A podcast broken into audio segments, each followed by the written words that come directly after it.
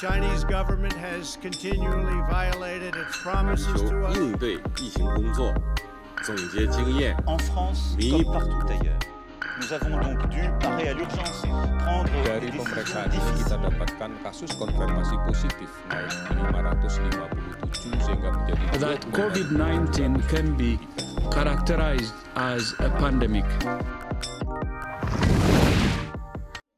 Halo semuanya, welcome back to Tusen Podcast. Selamat datang di episode kelima.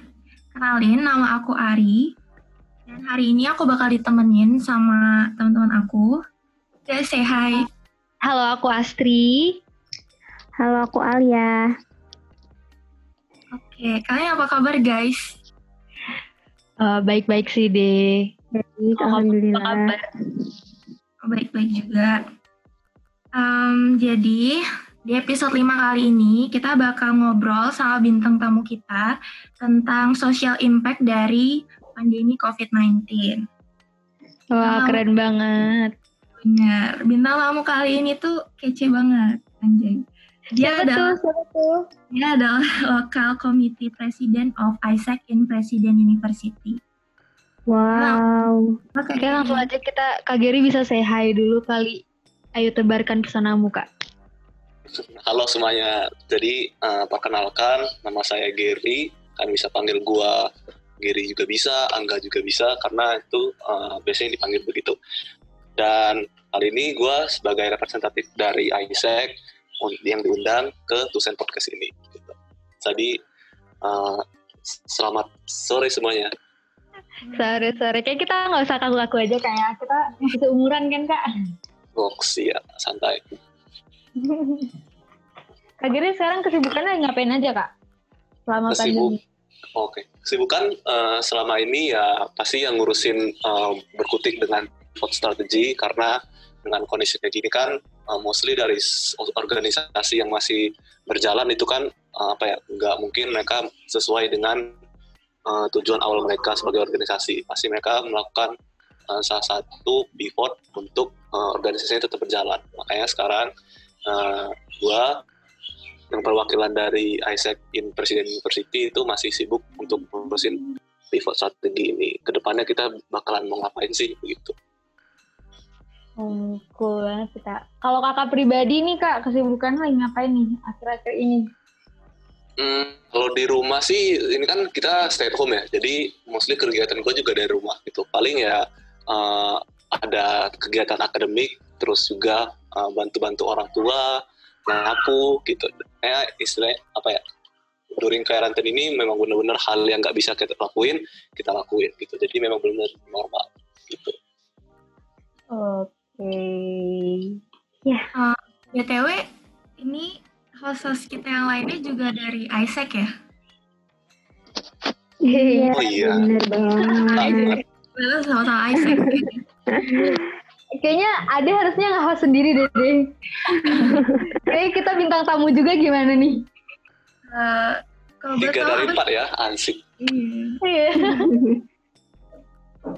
Em, kalau boleh tahu apa sih perannya sama Alia di Isaac di University? Oh, oke. Kalau aku sendiri saat ini itu lagi jadi tim leader digital PR Isaac in PU.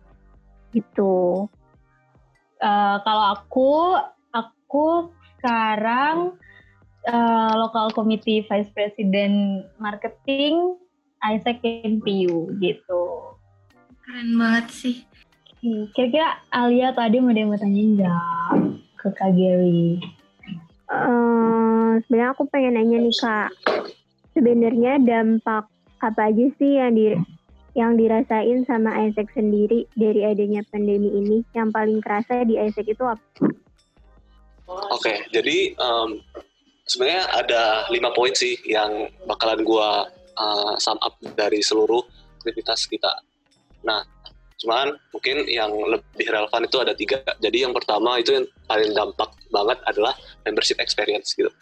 Ja- eh, maksudnya apa membership experience? Jadi di sini eh, kalau kalian tahu itu di Isaac di tiap tahunnya pasti kan kita ada nerima orang dari luar negeri dan juga kita ngirim orang ke luar negeri. Cuman dengan kondisi yang kayak gini yang di mana kita semuanya disuruh pulang ke rumah, kita juga nggak boleh melakukan physical activities dan lain-lain. Maka dari itu mm, seluruh our operations yang biasanya kita lakuin tiap tahun itu di halt semua atau di stop.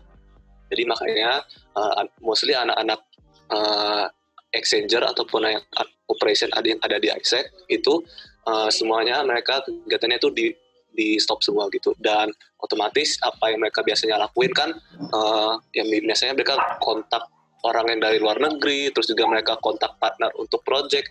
Cuman di kondisi kayak gini mereka nggak bisa ngapa-ngapain begitu. Jadi makanya practical experience mereka itu nggak dapat selama di uh, pandemi kayak gini. Jadi makanya mostly concern kita adalah dampak yang paling besar itu membership experience di mana member yang seharusnya dapat nih development dan juga dance mereka. Cuman gara-gara pandemi kayak gini mereka nggak bisa ngelakuin apa yang mereka harusnya lakuin ketika di pandemi gitu. Itu yang pertama. Terus juga yang kedua adalah uh, sustainability dan finance-nya gitu. Uh, karena pasti kan di organisasi itu uh, apa ya kalau kita kan pasti buat suatu event kan. Buat event terus juga uh, ada apa ya ada surplus atau cash flow di sana yang berjalan begitu. Makanya di, uh, ketika ketika membuat event ataupun project di situlah uh, sustainability dari satu organisasi itu berperan banget. Makanya dengan kondisi kayak gini kita itu sangat-sangat uh, apa ya sangat concern dengan sustainability kita as organization gitu. Apakah kita masih bisa berlangsung organisasi ini selama satu tahun atau bahkan enam bulan ke depan atau bagaimana itu yang kedua dan mungkin yang ketiga adalah terakhir itu adalah lebih ke branding itu sendiri nah kenapa branding itu menjadi hal dampak yang paling terkena banget ketika pandemi ya karena uh, kita itu kan biasanya dikenal dengan uh, orang-orang bule ya di ya. Jadi biasanya kita datengin orang luar negeri, terus juga kita selalu ngomong-ngomongin uh, orang-orang yang dari luar. Cuman gara-gara adanya pandemi kayak gini, ya apa yang kita lakuin kan memang benar-benar nggak bisa dilakuin. I mean kayak physical activities gitu. Makanya branding itu pasti sangat-sangat berubah. Ada shifting branding yang antar misalnya kita dari awalnya exchange pasti kita berubah ke youth gitu. Makanya di sini uh, peran branding itu sangat-sangat mempengaruhi di suatu organisasi. Jadi ini bukan ISEC doang ya. Jadi mungkin seluruh organisasi yang udah uh, bergelut selama 10 tahun atau bahkan 20 tahun pasti ngerasain branding mereka tuh bakalan shifting juga gitu. Yang awalnya branding mereka A, pasti mereka bakalan berubah di B gitu karena pandemi kayak gini gitu. Itu sih. Wah, uh, tapi Kak sebelumnya nih mungkin kan nanti dari ratusan ribu pendengar kita ya nih ada nih yang belum tahu uh, ISEC itu uh, organisasi seperti apa gitu. Kenapa kita bisa mendatangkan uh, bule, kenapa kita bisa kirim exchange. Kira-kira Kak Gary bisa nggak sih kasih tahu mungkin pendengar kita tentang sedikit tentang uh, what we do in ISEC sebenarnya sebelum pandemi. Oh iya, jadi uh, sebenarnya ISEC itu kan adalah Youth Leadership Organization gitu. Nah, uh, kenapa kita itu selalu berkutik sama orang luar negeri ya at least sama orang-orang yang bukan di Indonesia itu sebenarnya uh, jadi di ISEC itu ada namanya Golden Circle nah di Golden Circle itu terdiri dari why dari intinya terus juga ada how sama what-nya nah why kita adalah sebagai organisasi itu adalah we strive to achieve peace and fulfillment of humankind's potential. Jadi intinya kita tuh selalu berusaha untuk apa ya um, berjuang untuk apa ya mencapai kedamaian di setiap manusia gitu intinya. Dan nah sebenarnya itu kenapa sih kita bisa dapat uangnya? Karena pada tahun uh, World War II itu kan terjadi nih ya perpecahan ataupun dampak mulai dari dampak ekonomi terus juga uh, agriculture dan lain-lain itu memang benar-benar memperburuk keadaan dunia waktu itu jadi makanya pemuda-pemuda itu pada kumpul di sana untuk gimana sih uh, kita sebagai pemuda itu bisa menyelesaikan masalah di dunia. Gitu. Itu sebenarnya intinya. Terus juga itu why-nya tadi, we strive to achieve peace, dan bagaimana sih kita uh, accomplish our why, yaitu dengan how-nya ini. Yaitu kita put trust on the, on youth untuk uh, develop your leadership skill. Gitu. Jadi kita percaya nih setiap anak muda itu pasti punya leadership skill masing-masing. Nah, ketika kita udah punya leadership, kita udah pernah percaya nih setiap anak muda itu pasti punya jiwa-jiwa kepemimpinan, maka kita harus tahu nih what, apa yang kita lakuin. Gitu. Action step apa sih yang harus kita lakuin sebagai pemuda itu. Nah, action stepnya ini adalah yaitu dengan cara exchange tadi gitu. Jadi kita percaya bahwa cross cultural exchange ketika kita uh, mengetahui budaya orang luar negeri atau budaya sekitar kita jadi kita tahu nih perspektif mereka itu apa gitu. Jadi uh, budaya mereka itu seperti apa. Jadi kita nggak mentally judge orang dari luar itu seperti apa. Jadi makanya uh, exchange ini adalah dari dulu banget adalah core dari uh, our product. Kayak sebenarnya kita lakuin itu lebih ke uh, apa ya pertukaran luar negeri gitu. Jadi makanya seluruh proyek-proyek kita terus juga uh, mostly yang kita lakuin itu adalah based on exchange gitu. Jadi makanya uh, ISEC itu biasanya terbranding karena itu tadi orang-orang luar negeri begitu. Aku yes. mau tanya deh kak, tadi kan kakak bahas tentang leadership ISEC itu untuk develop leadership skill. Menurut kakak sendiri, apa sih pentingnya leadership pada masa pandemi COVID-19 ini? Bisa dikaitkan nggak kak? Oke, sip. Jadi uh, sebenarnya uh, untuk masalah leadership di masa pandemi itu benar-benar relevan karena di Isaac sendiri itu mostly kita juga udah sering post di sosial media dengan hashtag leadership is also about gitu. Nah, jadi di sana kita tuh mostly bahas bagaimana sih peran pemuda untuk menghadapi pandemi seperti ini. Itu apakah kita cuma diam saja, apakah kita cuma bisa uh, apa ya, hmm, nggak bisa ngapa-ngapain di selama masa pandemi atau enggak. Nah, cuman kita di organisasi itu punya namanya nih opini atau voice of youth gitu. Di sana kita bisa ngungkapin sebenarnya kita as leadership as, as leader itu bisa ngapain sama masa pandemi. Gitu.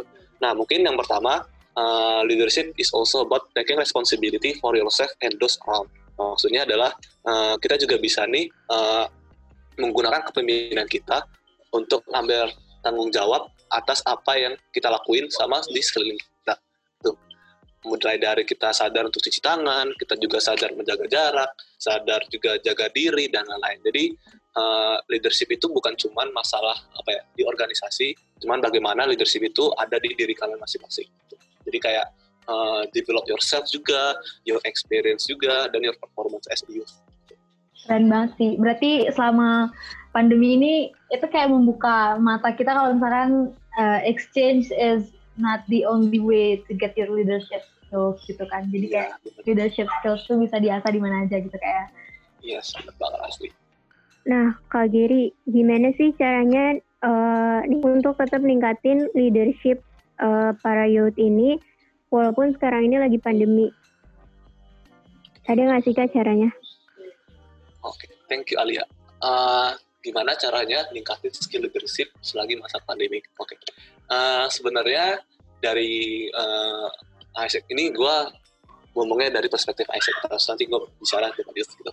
Dari perspektif Isaac sendiri kita itu ada nih namanya uh, salah satu event internal, iya salah satu event internal dan juga buat eksternal namanya Virtual Impact Circle. Di situ kita mengundang para komunitas uh, untuk speak up tentang uh, our concern uh, terhadap social issue gitu. Nah, dengan adanya Impact Circle ini, uh, para komitis, terus juga partisipan dan stakeholder yang udah berada di virtual Impact Circle ini bakalan tahu sebenarnya gimana sih rasanya kita as a youth itu uh, berkontribusi ke our surrounding gitu. Jadi makanya uh, ketika kita udah ngelakuin sesuatu hal, otomatis uh, pasti kita kan bakalan value itself gitu. Jadi pasti ada nilai-nilai yang bisa kita uh, assess untuk diri kita sendiri. Nah di situ sebenarnya leadership uh, ada. Jadi uh, your apa ya uh, your self belonging, terus juga your your awareness itu sebenarnya salah satu uh, poin dari leadership itu sendiri begitu. Jadi leadership itu cuman bukan cuman yang gue bilang tadi kayak uh, ya udah gue as a leader terus ya gue bisa nyuruh nyuruh orang gitu bukan jadi leadership itu simpelnya adalah uh, dari diri kalian sendiri masing-masing. Gitu. Jadi hal-hal baik yang di diri, diri kalian itu uh, gimana itu bisa develop di diri kalian. Gitu. Bukan cuma kita ngurusin orang lain, tapi uh, leadership itu mostly about you gitu. Uh, aku kemarin join juga loh kak ini apa acara Impact Circle itu keren banget deh pokoknya. Iya, thank you Ari udah join. Uh, kira-kira itu bakal terus ada nggak kak atau cuma sekali itu aja? atau bakal rutin diadain? Uh, sebenarnya itu kan uh, udah dari tahun kemarin ya acaranya. Cuman uh, baru tahun ini kita ngadain Impact Circle itu secara virtual. Makanya memang uh, kalau kita ada uh, beberapa kesalahan ataupun ya uh, errorness itu memang karena kita baru first time untuk ngadain secara virtual. Dan kira-kira bakalan ada lagi nggak sih uh, impact circle depannya? Ya, dan itu jawabannya pasti bakalan ada. Karena itu adalah long term uh, ambition kita untuk um, as an organization untuk nge-embrace semua seluruh youth di Indonesia. Jadi makanya stay tune aja di uh, sosial media kita. Nanti kita bakal announce kapan lagi sih virtual impact circle is happen gitu. Oh, jangan lupa join ya guys, Virtual Impact Circle. Biar ikut jadi leader kece bareng kita, ya nggak kak? cool banget sih itu Oh ya kak, kalau biasanya kan kayak tadi kakak bilang, Isaac tuh biasanya kita uh, apa ya dapat development through practical experience gitu. Kita biasanya terjun langsung. Nah sekarang ketika semua berubah menjadi virtual, itu tuh kalau dari segi uh, kak- kita apa kita sebagai orang organisasi yang menjalankan tuh uh, agak ngerasa susah atau lebih gimana sih dengan adanya virtual ini kita nggak bisa ketemu orang gimana? Jadi eh, sebenarnya ada eh, perubahan yang memang benar-benar kita nggak biasa ngelakuin ya. Yang awalnya kita setiap hari ketemu, meeting di suatu ruangan, cuman gara-gara kita virtual, eh, kita harus depan laptop terus gitu dan menyisihkan waktu kita berapa jam untuk eh, diskusi. Nah, memang ketika kita ber- berada di posisi virtual ini, kita memang ngerasa ada kayak hmm, apa ya perubahan ataupun shifting dari diri kita sendiri yang biasanya kita eh, nggak nggak nyaman gitu. Di mana awalnya kan kita kalau misalnya nih bangun pagi, terus juga kita udah ada jadwal arrange schedule gitu, kayak jam segini gue harus ke sini, jam segini gue harus segini. Cuman gara-gara virtual kan eh, semuanya berubah semua gitu. Jadi ketika lu bangun pagi terus juga "Oh, ya udahlah ntar gue misalnya ada jam 2 nih, jam 2 meeting misalnya. Terus Hmm. lu jam satu kan masih di rumah kan karena virtual kan ya udah gue jam Iya. satu baru mandi dah jam satu gue habis itu makan bentar gitu jadi semua itu kayak ket- ketunda gitu jadi adanya procrastination di mana kita tuh merasa ya udahlah dikit apa ya, waktunya kan juga bentar tuh jadi ya udah kita leha-leha dulu gitu. jadi makanya kayak karena ada secara virtual ini merasa semuanya itu bisa dilakuin dalam satu waktu gitu jadi kita bisa sambil meeting bisa sambil makan bisa sambil Iya. apa ya ya seluruh aktivitas kita tuh kita gabungin semua jadi satu. Jadi memang makanya dengan adanya perubahan baru ini kita kadang ngebuat merasa lebih sibuk ya atau merasa wah kok gue ada kelas ya hari ini terus juga gue juga ada meeting gue juga juga harus buat presentasi dan lain-lain jadi makanya di situ kita ngerasa kayak eh, kita lebih sibuk secara virtual padahal ya eh, perasaan kita aja ngerasa bahwa eh, semuanya itu tertumpuk dari satu gitu. Itu sih sebenarnya. Itu dari perspektif gue sendiri sih. Sih Iya sih, aku juga sama sih. Ngerasa kayak gini gak sih kayak ya udah juga nggak ada yang lihat juga di rumah mau mandi Iya. juga nggak apa-apa kayak gitu ya kan? Benar-benar ini lebih santai ya emang iya sih bener banget. Makanya kadang kan eh, setiap kita ngelakuin hal-hal yang produktif itu kayak ngerasa wah gue hari ini produktif banget ya. Kemarin kok enggak gitu. Makanya nanti pasti bakalan besok-besok ah ya udahlah kan gue udah produktif. Mungkin hari ini gue bisa lah santai gitu. Jadi ya mindset itu pasti bakalan berubah ketika awalnya kita eh, kebiasaan barunya itu yang awalnya hmm, selalu produktif di setiap hari cuman gara-gara virtual kayak gini pandemi kayak gini jadi ya berubah gitu Iya, halo Kak. Ada Fauzi di Iya. sini. Iya, tiba-tiba masuk. Iya. Ah, kita kan tadi kayak apa ngomongin tentang leadership leadership hmm, apa Isaac as a leadership organization gitu kan. Apa sekarang aku pengen tanya sih Kak, apa sih maksudnya leadership itu? What is leadership in dari perspektif Kakak? I see. Nah, jadi sebenarnya eh, kan tadi da- kalau gue bahas dari sisi Isaac, itu kan kita di how-nya tadi nih, dari Golden Circle tadi itu kita percaya bahwa leadership itu ada di setiap youth. Tuh.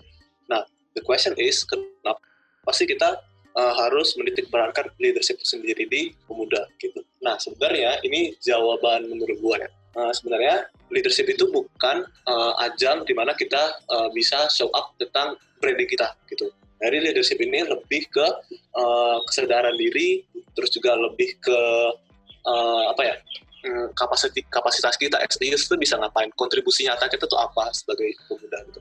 Makanya itu juga bisa jadi tunjangan karir kalian ke depannya itu seperti apa.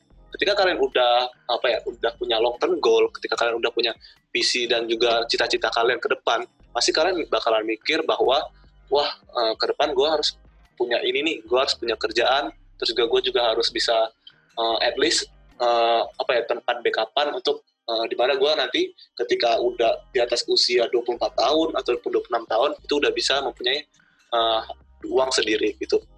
Nah makanya di sini leadership itu adalah uh, hal di mana ketika kalian udah mempunyai long term goal vision kalian itu uh, leadership kalian itu adalah sebagai alat ataupun uh, kayak apa ya uh, ya tadi entah alat ataupun uh, katalis sebagai kalian uh, di dunia kerja nanti. Jadi makanya leadership itu ya bukan cuma kalian uh, apa uh, sebagai pride doang. Jadi memang benar-benar leadership itu kayak sebenarnya alat kalian itu ke depannya gitu. Makanya di setiap pemuda itu pasti punya uh, kepemimpinan sendiri dan cara-caranya masing-masing. Gitu.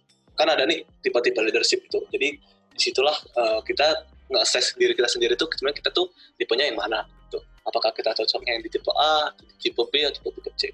Oh ya kak, uh, aku pengen nanya nih, mungkin biar teman-teman juga pada tahu gitu kan, kalau misalkan tadi uh, Isaac menawar apa ya nge-shape leadership itu through practical experience uh, by doing an exchange gitu kan. Nah sekarang kan nggak ada exchange nih karena kita tahu kayak kita nggak bisa ke luar negeri, orang juga nggak bisa datang ke negara kita, so there's no exchange. Dan uh, kalau sekarang ini gimana sih cara Isaac tetap nge-shape uh, leadership entah itu uh, di membernya dia sendiri atau gimana Isaac tetap nge-spread leadership itu awareness of leadership uh, ke orang-orang lain gitu. Oke deh. Uh, good question juga sih sebenarnya. Uh, sebenarnya kita itu kan mostly concern about uh, social issue ya. Jadi apa yang kita hmm. lakuin itu ya hopefully bisa contribute ke our surrounding. Nah, cuman uh, gara-gara exchange juga nggak bisa, karena exchange juga nggak relevan lagi di masa pandemi kayak gini, makanya kita harus shifting. Kita harus berusaha berubah arah direct, direction kita gitu. Yang awalnya kita fokus ke exchange, terus kita fokus on apa. Gitu. Nah, cuman uh, mostly concern kita adalah ke lebih membership experience tadi gitu. Jadi uh, walaupun tujuan kita adalah exchange, cuman uh, kalau kita nggak ngelihat dalam sisi member kita itu bagaimana, itu adalah salah satu yang buruk gitu. Jadi makanya yang tadi gue bilang awal, yang mostly concern kita adalah di membership experience tadi. Di mana kita ngelihat nih seluruh member kita, apakah dia terdevelop, apakah mereka merasakan apa yang kita uh, develop selama berapa tahun di ISEC ataupun bagaimana. Di situ makanya kita tuh uh, selalu apa ya program juga gimana sih cara kita bisa engage sama member-member kita. Di mana kita member-member itu ya enggak uh, burn out terus juga enggak pusing juga mereka ngapain di sini. Jadi uh, question questions dari member itu adalah uh, hal yang paling penting yang harus kita concern begitu. Jadi makanya uh, membership itu adalah salah satu hal yang fundamental di mana kita tuh harus bisa initiate leadership mereka. Jadi ketika orang join, join satu organisasi, nah di situlah mereka pasti punya tujuan kan, punya tujuan masing-masing. Kenapa sih mereka join organisasi ini?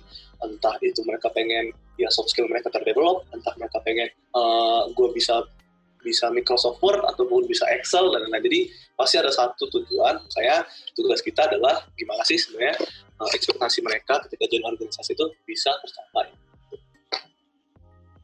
Hmm. Uh, oh ya, tadi kan kakak ada nyinggung dikit nih tentang uh, social issue yang uh, Isaac concern gitu. Terus kayak uh, bisa nggak sih dikasih tahu uh, social issue seperti apa yang uh, apa ya yang yang Isaac uh, lirik nih social issue apa yang biasanya kita uh, ambil? Uh, sebenarnya social issue itu kan banyak juga ya. Uh, hmm. Mungkin dari teman-teman juga semua pasti udah pada tahu kalau uh, social issue itu um, adalah satu hal yang sering dibicarakan di publik. Gitu. Makanya, uh, tapi di sini kita uh, di organisasi itu mostly lebih concern ke uh, environment, terus juga education, kalau enggak uh, ekonomi gitu karena itu adalah tiga hal yang relevan ketika kita SDU gitu. Iya maksud gua uh, kita kan juga bisa nih ngobrol tentang uh, sosial isu yang lain, cuman uh, terlalu broad gitu, terlalu uh, luas cakupannya. Gitu. Jadi mungkin uh, tentang education, terus juga environment itu adalah salah satu hal yang dikerucutkan di organisasi ISIC itu sendiri. Gitu. Nah ngomong-ngomong juga masalah uh, social issues ini sebenarnya kalau kalian uh, put attention gitu uh, apa ya education ataupun uh, environment issues di Indonesia itu memang benar-benar hal-hal yang nggak apa ya, nggak kelar-kelar gitu. Apa ya masalahnya. Hmm. pasti ada aja um, problem ataupun uh, pokoknya uh, pasti ada berita tiap hari yang masalah dua hal itu jadi makanya uh, kita juga pengen nih youth bisa kontribusi ataupun ya menyampaikan pendapat kita sebenarnya apa sih yang bisa kita lakukan gitu. Hmm. Nah, mungkin Asri juga eh iya kenapa tuh? Anja Eh, tadi kan kakak sebelumnya sempat nyebutin nih membership experience itu adalah eh, salah satu concern utama di ISEC. Terus itu juga yang menjadi salah satu hal yang terdampak karena ada pandemi ini. Terus eh, ada nggak sih kak langkah nyata dari ISEC untuk make sure bahwa member-member itu bisa tetap terdevelop walaupun mereka nggak ngelakuin job desk job desk yang biasanya mereka lakuin. I see. Nah, iya eh, sebenarnya itu adalah salah satu tantangan besar kita sih, gitu sebagai eh, ya apa sebagai eksekutif board ataupun ya at least BOD-nya gitu di suatu organisasi gitu. Di mana kita harus maintain nih performance mereka, maintain development mereka, terus juga nge-make sure bahwa mereka itu benar-benar terdevelop di suatu organisasi gitu. Nah, sebenarnya langkah apa sih gitu, sebagai kita sebagai BOD gitu istilahnya untuk eh, make sure bahwa member-member kita itu terdevelop eh, di ISEC itu sendiri itu ada, ada namanya tim standar kalau kalian tahu. Jadi di tim standar itu dijelasin bahwa eh, ada main point yang harus kita fulfill as a leader. gitu. Jadi istilahnya tim standar itu kayak pedoman nih buku buat tim leader supaya kita bisa achieve our goal as a leader. Gitu. Mungkin poin pertamanya itu adalah di tim standar eh, ada yang masalah tentang eh, how to be a good leader. Kayak misalnya kita bisa eh, memaintain member kita, terus juga kita bisa nge-embrace seluruh ad- adversity juga dan lain-lain. Dan di situ juga ada tiga fase, di mana eh, fase ketika kita baru jadi leader, terus juga ada fase di mana kita baru engage sama member, dan juga fase closing. Jadi tiga fase itu adalah eh, fase opening, terus juga ada fase building, dan terus sorry, fase building, fase performing, sama fase closing gitu. Jadi building kan artinya ya membangun lah, membangun trust salah satu gitu, membangun trust member sama tim leadernya. Gitu. Terus juga di fase uh, performing itu ya barulah kita bisa kerja bareng gitu. Kita baru kita bisa komunikasi sebenarnya kita tuh mau ngapain selama waktu yang ditentukan gitu. Terus juga closing itu adalah fase di mana kita udah mau uh, apa ya dari tim leadernya ini sendiri itu udah mau uh, habis masa jabatannya. Jadi makanya di tiga fase inilah fase-fase uh, harus kalian lihat as a leader bagaimana sih kalian bisa maintain member-member kalian gitu. Dan sebenarnya dari tiga fase itu ada poin-poinnya lagi sih masing-masing. Cuman gue udah uh, udah lama banget itu ma- udah gak hafal lagi. Jadi sih, yang paling penting itu sih ada namanya tim standar gitu. Nggak apa-apa lah ya kak, nggak hafal. Yang penting eh, apa sih intisarinya udah terserap gitu, udah udah udah ada di dalam diri. Iya begitu. Nggak apa lah, nggak hafal ya. Jadi memang kok complicated banget sih emang. Hingga Uh, kalau dari Kak Geri sendiri itu, hmm, sekarang kan organisasi ISEC-nya itu semuanya virtual ya, online semua. Uh, kalau kakak lebih prefer apa kak? Kalau boleh tahu, lebih prefer offline atau online kayak gitu? Oke. Eh, gua sih lebih prefernya offline ya, karena kita tuh juga sebelum masa pandemi kayak gini tuh udah sering eh, untuk masalah online gitu. Jadi eh, kita kan offline itu lebih berkutik ke misalnya nih eh, di Presiden University sendiri di kampus kita kan se- selalu adanya meeting gitu. Meetingnya mungkin seminggu tuh bisa dua kali, bisa tiga kali. Cuman gue tuh juga ada meeting online sama eh, ISEC Indonesia-nya gitu. Jadi di atas gue tuh masih ada atasan lagi di mana mereka supervise kerjaan gue di uh, kampus gitu. Jadi makanya uh, ketika gue udah apa ya ketika udah kita udah sering berkutik di masalah virtual seperti ini, ya gue sebenarnya udah terbiasa. Karena sebelum sebelumnya itu kita juga sering virtual gitu. Makanya uh, gue tuh udah bosen banget sih kayak virtual mulu gitu kan. Kayak apa nih gue bisa ketemu sama orang-orang gitu. Bisa sosialisasi lah istilahnya. Kayak bisa ngobrol bareng ngopi bareng entah apa. Mungkin eh, Ari, Astri ataupun Alia juga lebih prefer mana? Apakah kalian lebih prefer online atau bukan juga offline? Kalau aku pribadi kayak aku dulu kali ya. Kalau aku karena kan aku juga di ISEC ya. terus aku di marketing. Menurut aku aku lebih prefer offline sih. Karena ya mungkin sama kayak Kak Geri bilang, karena kita udah keseringan offline, kita keseringan ketemu uh, orangnya secara langsung, tatap muka, terus sekarang kayak ngerasa uh, space-nya lebih terbatas gitu. Itu ngerasa banget sih. Biasanya kan marketing aku harus selling, harus uh, apa ya, harus presentasi ke sana ke sini dari kelas-kelas ketemu orang baru, orang banyak tuh sekarang kayak terbatas ketemu cuma di layar kaca doang. Terus apalagi juga agak nggak relevan sih ngelakuin marketing di pandemi ini karena kan semua semua itu beralih ke online ya. Terus kayak banyak mulai uh, banyak-banyak uh, ada aktivitas virtual. Jadi kayak kadang orang tuh liatnya juga di misalkan di Instagram itu kayak udah di slide doang gitu. Jadi kayak gimana ya? Uh, awareness itu kurang dapet gitu kalau misalkan online. Kayak aku sih ngerasanya kayak gitu ya kayak lebih prefer offline eh, jauh karena kita bisa lihat orangnya langsung. Kita benar-benar bisa bercakap-cakap secara langsung. Kayak gitu tuh lebih lebih asik dan kadang lebih ngena gitu conversationnya ketimbang harus online. Kalau aku sih kayak gitu kalau aku sendiri karena kalau di PR itu ngejalanin event menurutku kegiatan online itu juga ada sih positif-positifnya kayak misalnya kalau misalnya kita bikin event offline biasanya kita nge-engage-nya itu biasanya orang-orang yang ada di sekitar view aja gitu kebanyakan. Cuman kalau misalnya hmm. kita bikin eventnya online itu kita bisa kayak ngejangkau itu nyampe nyampe daerah-daerah Kalimantan itu juga ada yang ikut event kita gitu. Sebenarnya asik juga sih online, cuman tetap aja kalau offline itu kita bisa ketemu delegatnya langsung, kita bisa ngobrol sama speakernya langsung dan jadinya kayak lebih kerasa aja gitu uh, excitementnya kalau misalnya ngejalaninnya secara offline. Kalau dari aku sih kayak gitu kak. Kalau Ari gimana nih? Uh, kalau dari aku, aku kan ikut organisasi cuma Presiden University Major Association. Jadi di sana itu banyak banget proker-proker yang tertunda, yang emang setiap tahunnya uh, ada, itu nggak ada sekarang. Karena emang banyak banget event yang emang ngundang orang banyak kayak gitu. Jadi kan sekarang social distancing kayak gitu. Terus juga um, jadi kurang karena aku kan ini Puma baru ya, maksudnya angkatan baru jadi bondingnya kurang gitu. Kalau aku ngerasanya sih karena kita uh, online terus kan, jadi kadang rapat-rapat itu nggak ada lagi karena nggak tahu mau bahas apa kayak gitu kak jadi kayak lebih lebih prefer offline kalau aku mau tanya kalau dari Isaac sendiri tuh ada bonding bonding gitu nggak sama membernya selama pandemi ini? Uh, jadi kalau untuk masalah bonding ataupun engagement member kita tuh tiap minggu pasti ada. Gitu. Jadi uh, kita kan di ISIC itu ada 8 divisi. Nah, di divisi masing-masing ini pasti ada ketuanya masing-masing kan. Nah, uh, salah satu tim standar yang eh, gue bilang tadi itu adalah namanya ada conduct weekly meeting once a week gitu. Jadi di mana kita uh, harus ngadain uh, meeting uh, sama member-member kita untuk follow up sebenarnya kita tuh mau ngapain satu minggu ke depan. Bahkan bisa cerita-cerita aja sama meeting sendiri.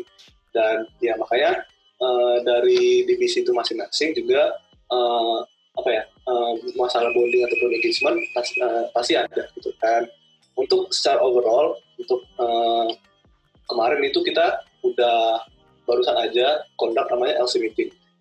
Maksud di situ maksudnya adalah kita ketemu semua nih satu member Isaac Presiden University, di mana kita ketemu kangen, terus juga ngobrol hal-hal yang uh, esensial, terus juga dan lain. Jadi kita untuk masalah engagement dan bonding tetap berjalan selama virtual gitu. Ya walaupun obstacle-nya adalah uh, masih ada aja orang yang nggak bisa join di waktu yang sama. Ya iya kak sih. juga gitu sih. Uh, kalau rapat-rapat tuh kadang nggak semuanya bisa join terus sinyal lah uh, kendalanya dan lain-lain gitu kak. Jadi memang apa ya uh, kayak udah gue juga udah capek sih mas sebenarnya virtual mulu ya karena uh, lebih banyak problemnya so gue kalau secara virtual daripada offline gitu. Ya kita, oh ya kan tadi uh, Arya ada jinggung tentang engagement gitu kan. Terus kalau di virtual virtual kayak gini, kalau dari Isaac menurut kakak sendiri ngelihatnya kita masih bisa engage nggak sih kak? Nah kalau misalkan kita menurut kakak masih bisa engage, bisa nggak sih dikasih tahu kenapa kita uh, di Isaac masih tetap bisa engage walaupun virtual kayak gini. Ada yang dari Sabang, ada yang di Merauke gitu kan, jauh-jauh. Tapi kita masih tetap bisa engage gitu. Oh iya, benar banget. Jadi uh, masalah engagement walaupun kita berbeda time zone itu salah satu hal yang apa ya amazing banget karena uh, dengan perbedaan waktu kan tuh susah banget ya kayak misalnya uh, kita bakal ada meeting nih jam 7 tapi di sana ada yang dari jam 9 juga itu ada yang dari jam 8 itu pun belum mulai gitu. Apalagi kita selesainya pasti lebih lama gitu. makanya di sini uh, apa ya awareness ataupun self belonging dari member tuh pasti gede banget gitu. Karena uh, member-member di ISEC tuh uh, menurut gua udah pada tahu nih why mereka itu apa di organisasi gitu. Jadi ini gua ada quotes dari gue lupa dari nama orang bahwa dia bilang kayak gini. Once uh, you know your why you can almost bear anyhow. Gitu. jadi ketika kalian udah tahu nih why kalian itu apa di suatu organisasi ataupun ya di apa pun itu entah kalian di akademis gitu ataupun kalian di karir kalian ya kalian udah tahu eh kalian kan pasti bisa ngadepin seluruh how dari masalah kalian gitu. Jadi makanya uh, kita selalu tekanin bahwa uh, kalian tuh harus tahu why we do what we do di organisasi ini sendiri gitu. Iya sih penting banget emang ya mungkin kalau aku bisa sum up itu apa ya mungkin maksud dari quote itu kalau aku bisa ngambil ya kager itu lebih ke kalau kamu ngerti why-mu itu kamu bakal selalu menemukan celah untuk bisa ngelakuin gitu ya. Maksudnya kayak gitu ya Kak Ger? Iya, bener banget. Fauzi. Iya sih, iya sih emang kadang uh, kayak aku juga sering ngerasain gitu deh. Kadang kan kita ngerasa capek banget, terus ngerasa aku kerjaannya susah. But when we remember our why, itu jadi kayak gue harus bisa nih, gue pasti bisa gitu. Ini tuh udah, Iya, udah yang gue ini kayak gue sih bisa. Contoh kecilnya aja ini sih kayak kalian kondak podcast ini juga, terus juga kalian udah undang beberapa speaker lain kan sebenarnya langkah kecil kalian uh, apa ya? Hmm, kalian tahu nih sebenarnya kalian tuh di ini tugas state pro pasti kan kalian di semester Hmm. pendek ini. Nah pasti kan udah tahu nih sebenarnya uh, kita tuh project state pro ini mau ngapain. Jadi kalian tuh udah tahu nih how-how-nya kita kondak podcast, kita kundang speaker gitu. Jadi uh, menurut gua adalah ketika kalian udah punya how tadi, eh sorry, punya how why-nya, kalian pasti udah tahu nih uh, action step-nya itu apa-apa aja gitu. Kakak sering gak sih kak ikut-ikut eh, acara-acara kayak virtual gitu di luar ISEC? Kayak ikut webinar kayak gitu. Sebenarnya kalau webinar tuh udah sering banget ya gitu. Jadi uh, setiap so- event kemarin itu di tiap bulannya dari ISEC Indonesia sendiri itu ada namanya pemilihan itu pemilihan buat uh, national board. Jadi di atas gua tuh ada namanya kayak pengurus juga gitu. Nah kita tuh tiap bulan ada tuh pemilihan di setiap masing-masing bidangnya. Jadi kayak uh, masalah webinar, terus juga uh, any platform apa uh, education activities tuh pasti selalu ada. Gitu. Cuman kayak apa ya uh, waktunya aja sih yang terlalu padat menurut gua. gitu. Misalnya hari ini ada, terus juga besok juga ada. Ini kayak tumpang tindih gitu. Misalnya. Ya, mungkin kalian juga pasti di uh, secara akademis juga ada nggak sih kayak acara-acara virtual kayak gitu dengan dosen kalian meeting lah, terus juga ada ada ya tugas juga gitu. Banyak sih kak. Apalagi kelas sekarang semua online kan. Ya sampai tahun depan. Parah. Sampai tahun depan katanya. Yo, Allah. Semoga tidak, semoga tidak. Iya sebenarnya yang Tapi, kasihan itu eh. yang magang sih karena yang seharusnya mereka magang kan di tahun ini mereka harus ditunda gitu. Ya ad- ada nih cerita dari teman-teman gue juga yang lagi ma- pengen magang di tahun ini. Mereka kan harus eh, tertunda ya magangnya karena eh, nggak ada yang mau nerima dia guys ya virtual. Wal- ya maksudnya ada sih yang mau nerima cuman ada yang bilang eh, salary ataupun eh, ya salary atau uh, gaji mereka itu dipotong 50% gitu. Jadi makanya uh, di masa virtual ini kayak benar-benar uh, semuanya itu jadi ribet gitu, jadi pusing.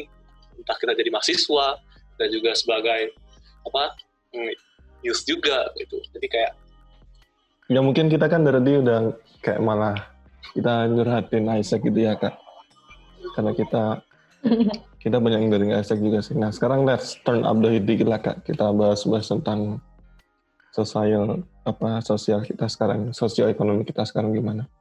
Uh, menurut kakak nih, kayak kalau sekarang kan udah new normal nih. Menurut Kak Gary nih, uh, mereka tidak mengikuti himbauan pemerintah untuk social distancing lah apalah dan beberapa uh, himbauan lainnya. Ya mungkin kita bisa depan-depan dikit nggak apa-apa kak? Santuy lah ya. Uh, sebenarnya ini perspektif gue ya uh, sebagai uh, mahasiswa gitu. Nah, kenapa sih orang-orang itu pada nggak mau patuh dengan peraturan pemerintah? Padahal peraturan itu kan diciptakan untuk dipatuhi, gitu, bukan untuk dilanggar. Ya, kalau memang untuk dilanggar ya ngapain ada peraturan? Nah, sebenarnya menurut gue nih ya, point of view gue adalah yang pertama itu uh, masyarakat ataupun uh, occupant yang ada di Indonesia ini belum belum punya kesadaran yang tinggi terhadap COVID itu sendiri. Gitu. Selagi mereka belum kena gitu. Jadi misalnya nih keluarga mereka ataupun teman dekat mereka itu belum pernah ada yang kena COVID gitu. Jadi ya mereka merasa bahwa COVID ini adalah suatu hal yang nggak mungkin terjadi gitu. Nggak mungkin mereka bakalan kena. Gitu. Ketika mereka keluarga dekat mereka ataupun keluarga mereka yang udah kena COVID ini sendiri, pasti mereka bakalan menyadar bahwa waduh teman-teman gua ataupun keluarga gua ada yang kena nih. Sebenarnya uh, apa ya kayak uh, virus ini kayak berbahaya apa sih gitu. Jadi mereka tuh belum ada kesadaran di diri mereka gitu. Seberapa bahayanya covid itu sendiri gitu. Untuk diri mereka ataupun untuk lingkungan mereka sendiri.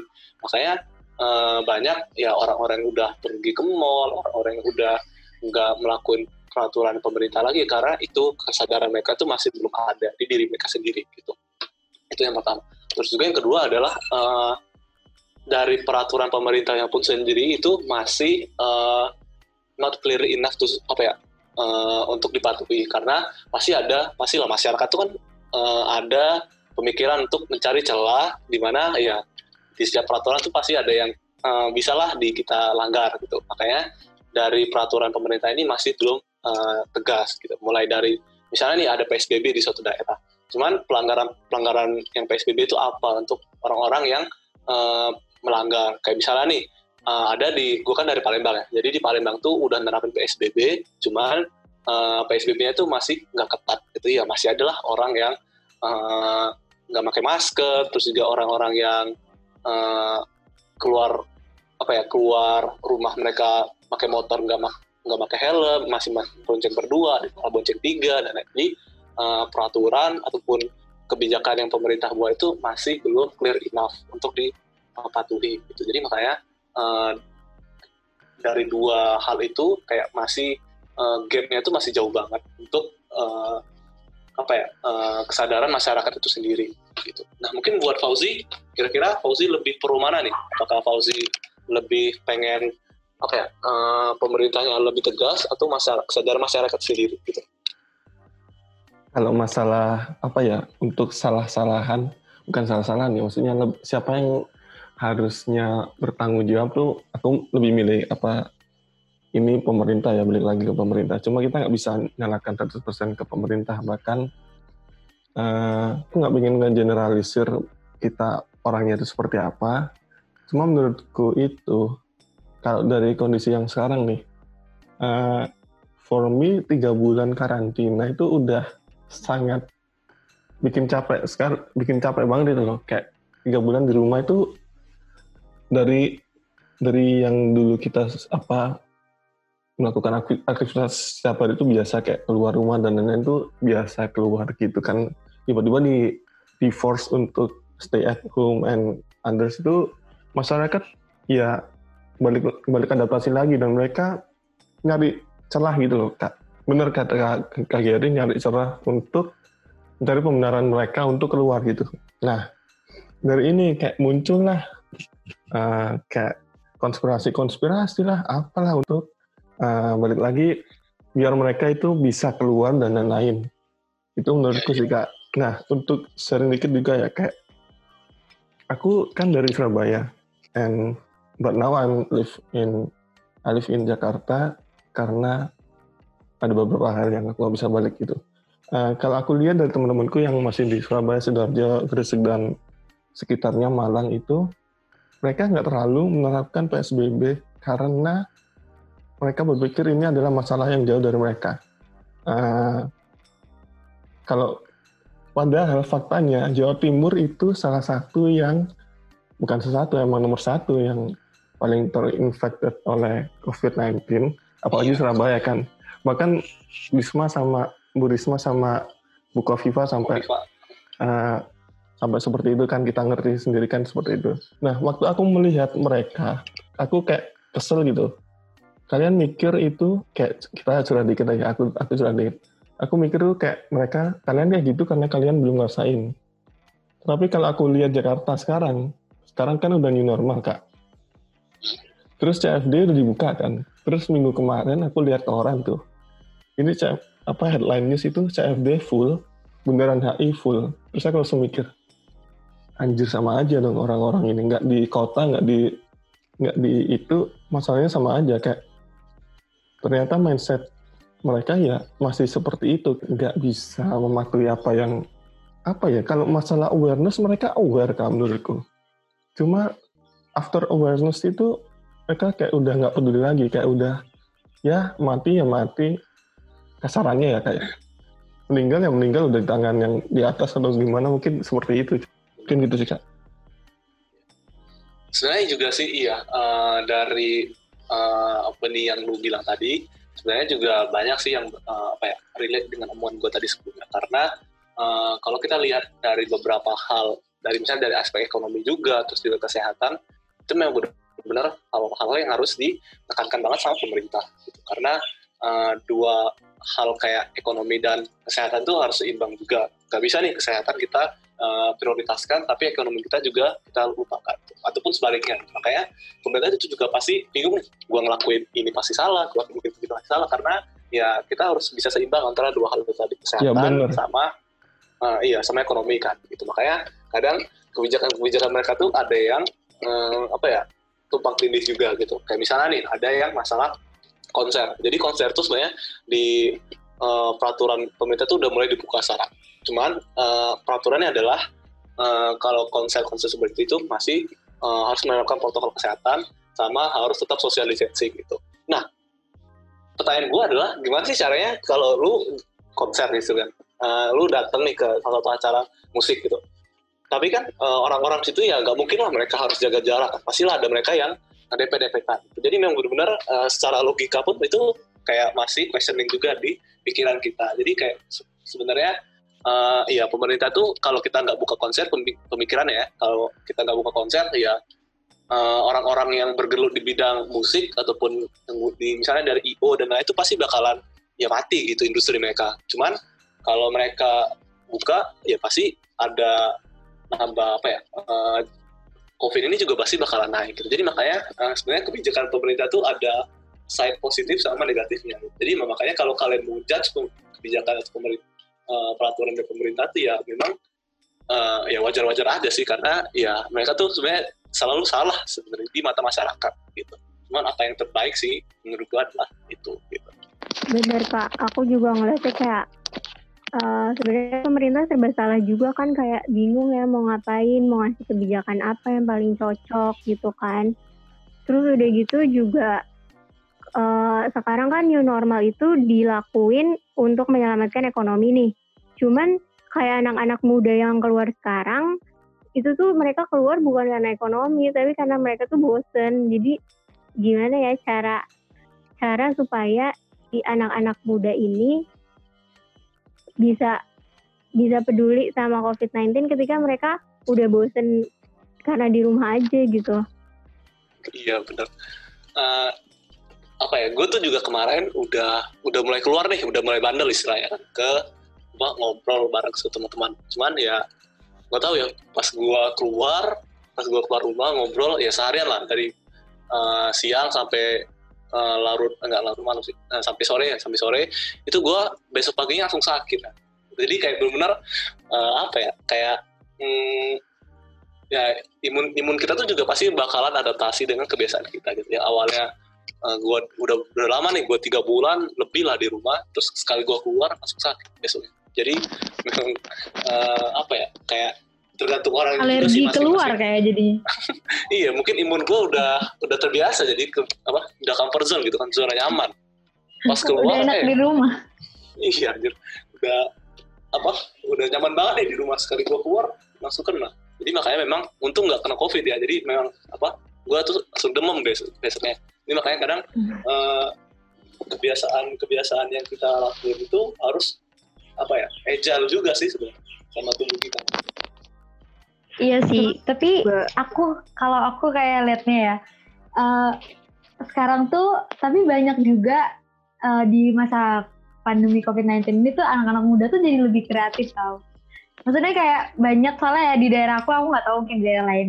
Soalnya di di daerah aku sendiri itu kayak mereka tuh mulai jualan, mereka mulai bikin-bikin makanan buat dijual gitu. Jadi kayak eh, ada sisi baiknya dari kita stay at home, mereka jadi lebih kreatif mem- membuka peluang usaha gitu yang kadang nggak nggak pernah mereka coba gitu kayak aku sendiri itu kemarin aku sama tetangga aku tetangga sebelah rumah banget tuh kayak kita gimana kalau kita bikin uh, ini yuk uh, usaha yuk kita jual dessert kayak gitu kita jual kayak kayak dessert puding lah segala macam dan ya itu apa ya lumayan menurut aku lumayan menghasilkan walaupun yang nggak seberapa. Cuma kayak membunuh rasa bosan juga. Dan aku lihat teman-teman aku juga banyak banget ada yang jualan baju sekarang ada yang jualan eh, apa ya jualan sama jualan makanan makanan sih yang paling banyak. Terus kemarin juga aku keluar eh, keluar rumah sempat eh, aku harus eh, anjing aku kegores gunting kuku gitu. Jadi aku harus ajak ke dokter hewan. Aku lihat di jalan-jalan tuh orang tuh pada jualan gitu pakai pakai mobil mereka. Jadi ada yang jualan telur jual sayur mayur kayak malah lebih banyak orang kreatif sih yang aku lihat sekarang gitu ya kak menurut aku kayak gitu sih. Lebih banyak lebih kreatif gitu orang-orang sekarang buat buka peluang usaha. Jualan bahan pokok di mobil tuh kayaknya lebih efektif gak sih daripada pasar? Karena mereka kan social distancing ya. Jadi di jalan ini ada berapa meter lagi baru ada lagi eh, mobil yang jualan bahan pokok. Kira-kira itu lebih eh, lebih efektif pasar atau mobil-mobil kayak gitu ya? Sebenarnya kalau itu sih menurut aku eh, efektif atau enggaknya sih kurang tahu ya. Mungkin kan kalau dari segi mereka dagang kayak gimana. Soalnya banyak yang buka kayak gitu. Cuma kalau dari segi keamanan, kayaknya mungkin lebih aman ketimbang kita harus berjibaku sama orang-orang di pasar gitu. Kalau mobil kan kita cuma ke satu mobil terus kita beli apa di sana gitu kan. Jadi kayak kalau pasar tuh kan dagangnya jejer gitu kan. Terus orangnya lebih banyak. Jadi mungkin lebih lebih berbahaya. Kalau menurut aku sih kayak gitu ya. Kalau efektif atau enggaknya sih aku kurang yakin juga sih. Kalau di Kageri ada nggak kak yang yang kayak gitu? Kalau di daerah kakak di Palembang? Eh, sebenarnya eh, kalau di daerah Pak Elmang sendiri ini mungkin gue apa gue nyari ansos atau yang gimana ya? Karena justru di Palembang sendiri itu masih belum kelihatan sih kayak eh, udah mulai jual-jualan gitu. Karena memang ya pertama mungkin gue jarang keluar terus juga gue nggak terlalu sering follow-follow akun yang relate sama Palembang gitu. Cuman eh, overall di seluruh apa yang gue lihat di sosial media itu memang eh, teman-teman gue itu yang eh, di luar Palembang itu memang benar udah mulai kayak jual-jualan makanan gitu. Ataupun hal-hal yang misalnya nih eh, apa sih kayak ngejahit gitu istilahnya. Gue juga lupa itu istilahnya apa. Pokoknya intinya memang benar-benar eh, orang-orang tuh sekarang udah beralih profesi gitu. Jadi yang awalnya mereka eh, ya belajar-belajar doang terus gara-gara eh, apa ya pandemi kayak gini ya mereka harus ngelakuin suatu hal yang baru gitu. Jadi kayak di situlah passion kita tuh diuji gitu aja jadi eh, kayak benar sih yang Astri atau Ari bilang juga itu karena memang eh, orang-orang pada saat ini tuh ngerasa eh, apa sih yang bisa kita lakuin gitu jadi muncullah ide-ide ataupun ya awalnya mereka iseng gitu doang ngeliatin YouTube lah terus juga eh, ngeliat-ngeliat sosmed oh kayak gini caranya. Jadi mereka ikut ikutan jadi memang eh, hal-hal yang nggak biasa kita lakuin itu pasti jadi eh, tren buat kita sendiri gitu.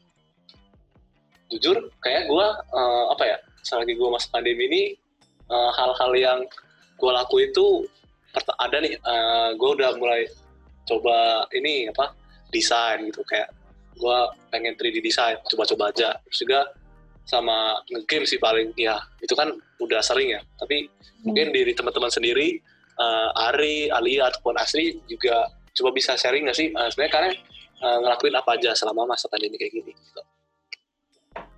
Aku ya, kayak aku sih tadi udah ceritain dikit ya. Kalau aku jualan, karena ngerasa kayak gabut kan di rumah. Terus sama tetangga aku tuh itu berawal dari kita uh, tuker-tukeran makanan. Kita nyoba-nyobain resep lewat YouTube gitu kan. Karena kan gabut ya di rumah ngapain terus jadi buka YouTube, jadi buka resep. Terus kita tuker-tukeran makanan terus kayak eh kenapa nggak kita jualan aja gitu kan. Jadinya ya udah kita jualan selama kurang dari sebulan gitu itu lumayan kita dapat sejuta ya untuk uh, pemula gitu kan ya. Dari modal dua ratus ribu dapat sejuta itu lumayan banget alhamdulillah gitu kan. Kayak ya akhirnya bisa menemukan kesibukan lain jadi nggak bengong-bengong lagi di rumah. Kalau aku sih kayak itu aja sih ya paling cuma kemarin sempat nyoba jualan bentar. Ya itu nyoba-nyoba makanan dari TikTok nggak sih Tri? I iya juga sih. Kita coba dari TikTok. Nah iya juga. Kayaknya balik ke yang aku bilang tadi. Deh orang tuh jadi lebih kreatif gitu. Kayak sekarang kita nggak buka YouTube doang tapi buka uh, TikTok juga kan mereka uh, mix and match bahan-bahan terus jadi cake cake lucu terus kayak gitu kayak sekarang mulai muncul DIY t-shirt terus kayak yang okay. lebih banyak hal-hal yang gumus gitu iya benar-benar Um, kalau dari aku sih, aku di rumah tuh cuman apa ya self develop kali ya. Jadi kayak lebih belajar masak sekarang uh, pagi-pagi kan gabut nggak tahu mau ngapain kadang bantuin juga di dapur kayak gitu terus juga um, kayak belajar-belajar makeup lah pokoknya ya self develop aja sih kalau dari aku kalau Alia gimana?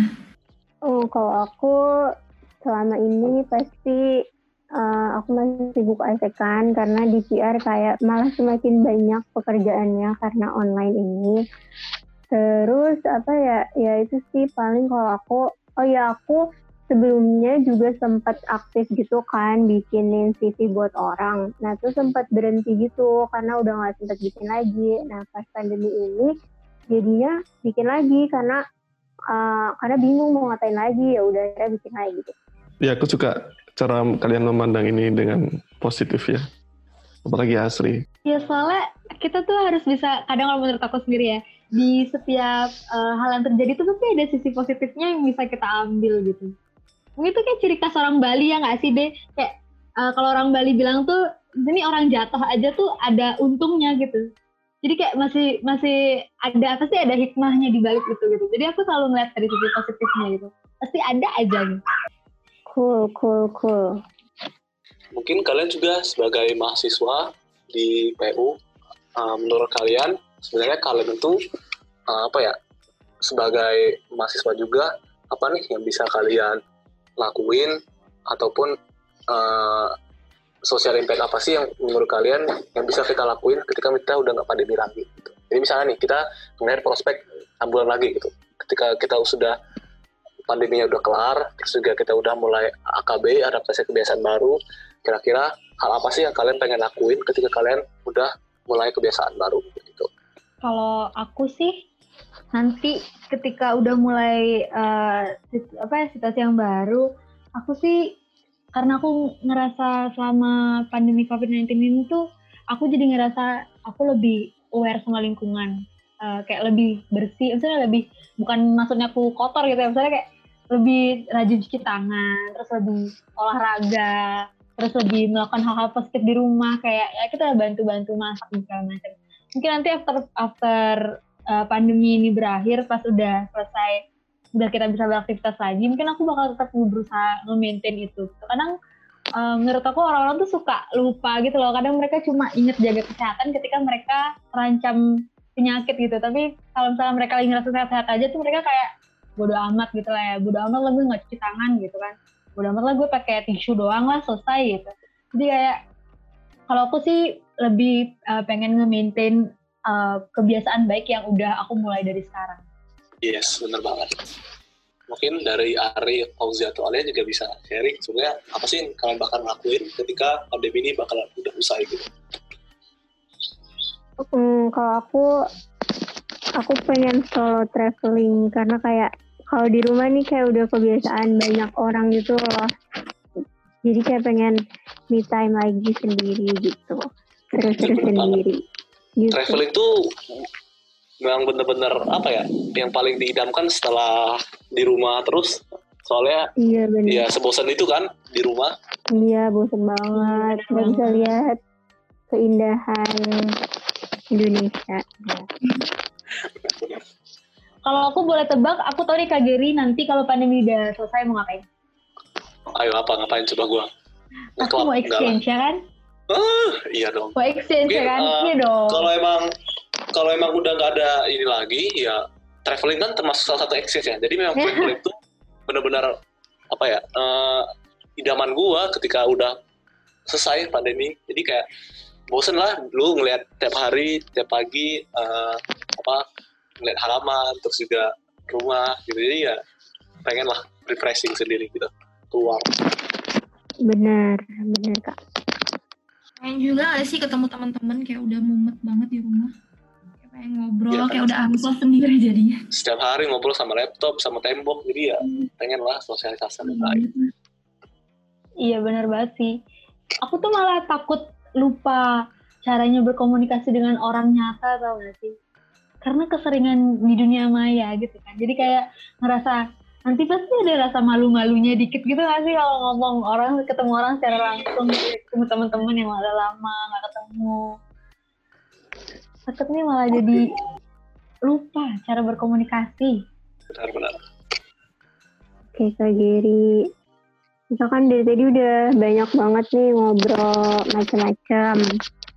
Nah terakhir kita mau nanya nih Kak, eh, saran dan pesan kakak apa sih buat pemuda buat lebih aware sama isu COVID-19 ini? Terus gimana cara gimana caranya supaya kita semua itu bisa nge-shape leadership kita untuk lebih memahami bahwa COVID-19 ini berbahaya gitu Kak. mungkin saran buat pemuda ya karena gue juga sebenarnya pemuda jadi eh, kalau wah hal yang gue ngomongin ini memang benar-benar bisa relate ke mereka jadi eh, apa ya saran buat pemuda paling ini sih eh, kita itu ngelihat eh, covid ini as a bigger picture gitu jadi lebih lebih lihat nih sebenarnya covid itu apa sih dampaknya terus juga uh, penyakitnya, terus juga nanti kalian bakalan gimana. gitu. Nah, uh, dari gua sendiri untuk uh, pemuda, uh, sadarlah bahwa COVID ini bukan konspirasi, bukan ya suatu hal yang sudah direncanakan dari dulu dan lain-lain. Ya terserah sih kalian mau mikir apa, cuman baik lagi ini udah terjadi gitu. Jadi kalian harus bisa memposisikan diri kalian sendiri youth ataupun uh, apa ya buat keluarga kalian juga masing-masing bahwa uh, pandemi ini benar-benar real gitu. Ya kalian juga udah bisa lihat di media, kalian juga udah bisa lihat di beberapa pie chart yang udah disediain sama pemerintah dan bahwa uh, setiap harinya kita tuh selalu bertambah kasus COVID itu sendiri. Jadi makanya uh, stay healthy, juga keep safety buat kalian yang masih beraktivitas di luar, terus juga sadar jaga jarak, sadar jaga diri, sadar masker dan lain Pokoknya intinya uh, yang awalnya kita kalau keluar tuh kan uh, selalu ingat harus bawa tas, terus juga bawa laptop kan. Cuman kalau sekarang sadar masker gitu. Oh ya gue baik lagi, gue lupa bawa masker. Oh ya gue baik lagi harus bawa hand sanitizer. Jadi memang benar uh, kesehatan tuh sekarang jadi nomor satu gitu buat diri kita masing-masing ataupun buat uh, keluarga kita yang ada di rumah. Jangan lupa ingetin juga keluarga kalian kalau papa atau orang papa atau mama kalian habis pulang kerja di rumah itu untuk segera mandi, terus juga selalu cuci tangan. Dan jadi ya hal kecil itu pun sebenarnya yang matters gitu buat kita itu ngingetin satu sama lain. Karena sejatinya manusia itu kan pasti selalu bisa mengingatkan baik hal yang positif maupun hal yang uh, apa ya yang berdampak juga buat diri kita masing-masing gitu. Ya mungkin itu aja sih. Iya sih, kayak jadi ya balik lagi ke yang kayak Kak Giri bilang di awal banget, kayak leadership is mostly about you. Jadi kayak it's how kita uh, nge-manage diri kita, terus leader itu kan harus aware sama lingkungan, gimana harus kita harus uh, aware sama lingkungan kita, aware sama orang yang lebih tua, saling mengingatkan, kayak gitu ya kan Kak? Yo, Jadi emang benar-benar leadership tuh dipentingin banget. Kayak semua yang semua yang kita bicarain lagi tadi itu itu sebenarnya berkaitan menurut aku tuh berkaitan sama leadership gitu. Gimana cara kita memposisikan diri kita sendiri. Yes. untuk membantu orang lain juga. Gitu kan kak? Exactly asli. Benar dan keren banget nih. Oke okay, kalau gitu terus sebelumnya aku mau bilang makasih banget buat kak Gary udah mau kita undang ke podcast kita ini Terus mohon maaf banget kalau ada salah-salah kata dan uh, kesalahan-kesalahan lainnya yang nggak kita duga. Terus apalagi ya, dari Ade mungkin ada yang bersampai nih. Makasih ke Kak Gary atau gimana? Gary udah ngeluangin waktu dan sharing-sharing sama kita-kita. Siap siap. Terima kasih juga uh, Tusen Podcast atas undangannya. Gue juga jadi malah tertrigger kan pengen buat bahas segala cuman ya udahlah itu uh, lain hal gitu. Uh, anyway uh, semoga kalian juga ke depannya bisa tetap engage juga satu sama lain terus juga tetap jaga kesehatan sadar diri juga setar masker dan tetap patuhi uh, protokol kesehatan gitu gue pengen juga okay. kalian, kalian juga tetap sehat ya gitu. oke okay, terima kasih banyak kak oh ya uh, aku juga mau bilang kalau misalkan Sense juga punya uh, platform untuk berdonasi. Jadi nanti kalau Kak Jerry uh, berkenan untuk berdonasi bisa lewat kita, nanti kita uh, sediain platformnya di kita bisa gitu Kak. Oke oke siap siap. Terima kasih Astri. Oke sama-sama. Oke guys, jadi itu aja buat diskusi kita kali ini. Semoga kalian nggak bosan-bosan dengerin kita terus. Tetap stay tune buat updatean kita selanjutnya di Instagram kita twosense.pods. Terus kalian jangan lupa buat follow Instagram Isaac Impressionif karena di sana kalian bakal bisa belajar banyak lagi tentang leadership. Terus kalian juga bisa tahu tentang exchange loh di sana. Jadi jangan lupa ya di follow dua akun penting itu. Terus jangan lupa tetap dengerin podcast kita juga di Spotify kita. Terus dan kita mau ingetin lagi kalau tusense.pods itu punya platform donasi. Jadi buat kalian yang berkenan buat berdonasi, kalian bisa banget kunjungin Instagram kita. Nanti kalian bisa link, uh, klik linknya, terus kalian langsung bisa berdonasi lewat kita bisa. Nah, tetap stay tune terus karena uh, Tusen bakal terus menghadirkan episode-episode menarik yang bakal bahas uh, impact dari COVID-19 ini lebih luas lagi. Dan in the next episode kita bakal uh, ber uh, diskusi lagi sama salah satu gerakan yang based in Presiden University juga, itu APD kita. Jadi narasumber kita keren-keren banget, jadi jangan lupa buat tetap stay tune. Bye-bye! Halo teman-teman semuanya, jadi seperti yang udah kita mention di episode-episode sebelumnya, TuSense juga bakalan open donation nih untuk beberapa instansi yang terdampak COVID-19. So, buat kalian semua yang mau ikutan donasi, kalian bisa cek IG kita at tusen.post untuk info lebih jelasnya. Oh iya, semua transaksi yang berhubungan dengan donasi bakalan masuk ke akun atas nama Aulia Rahmatin Masyuri ya. Sekali lagi hanya ke akun atas nama Aulia Rahmatin Masyuri karena aku sendiri adalah bendahara dari Tusens. So buat kalian semua yang ingin berpartisipasi bareng kita untuk donasi, kalian bisa langsung cus cek Instagram kita di @tusen.pods. Oke, okay? thank you.